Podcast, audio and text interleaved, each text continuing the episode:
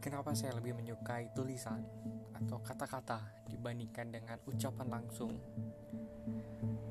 Bahwa satu kata bisa memiliki seribu makna. Sama halnya dengan tulisan Ibnu Wahyudi. Yang ini penuh makna sekali menurut saya dan perlu uh, untuk kita camkan dan kita maknai uh, tulisan Ibnu Wahyudi ini gitu hati putih cuma dalih. Pikiran terbuka tak lebih dari wacana.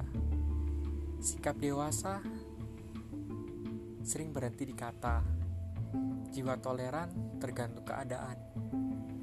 Rendah hati hanya di dalam hati.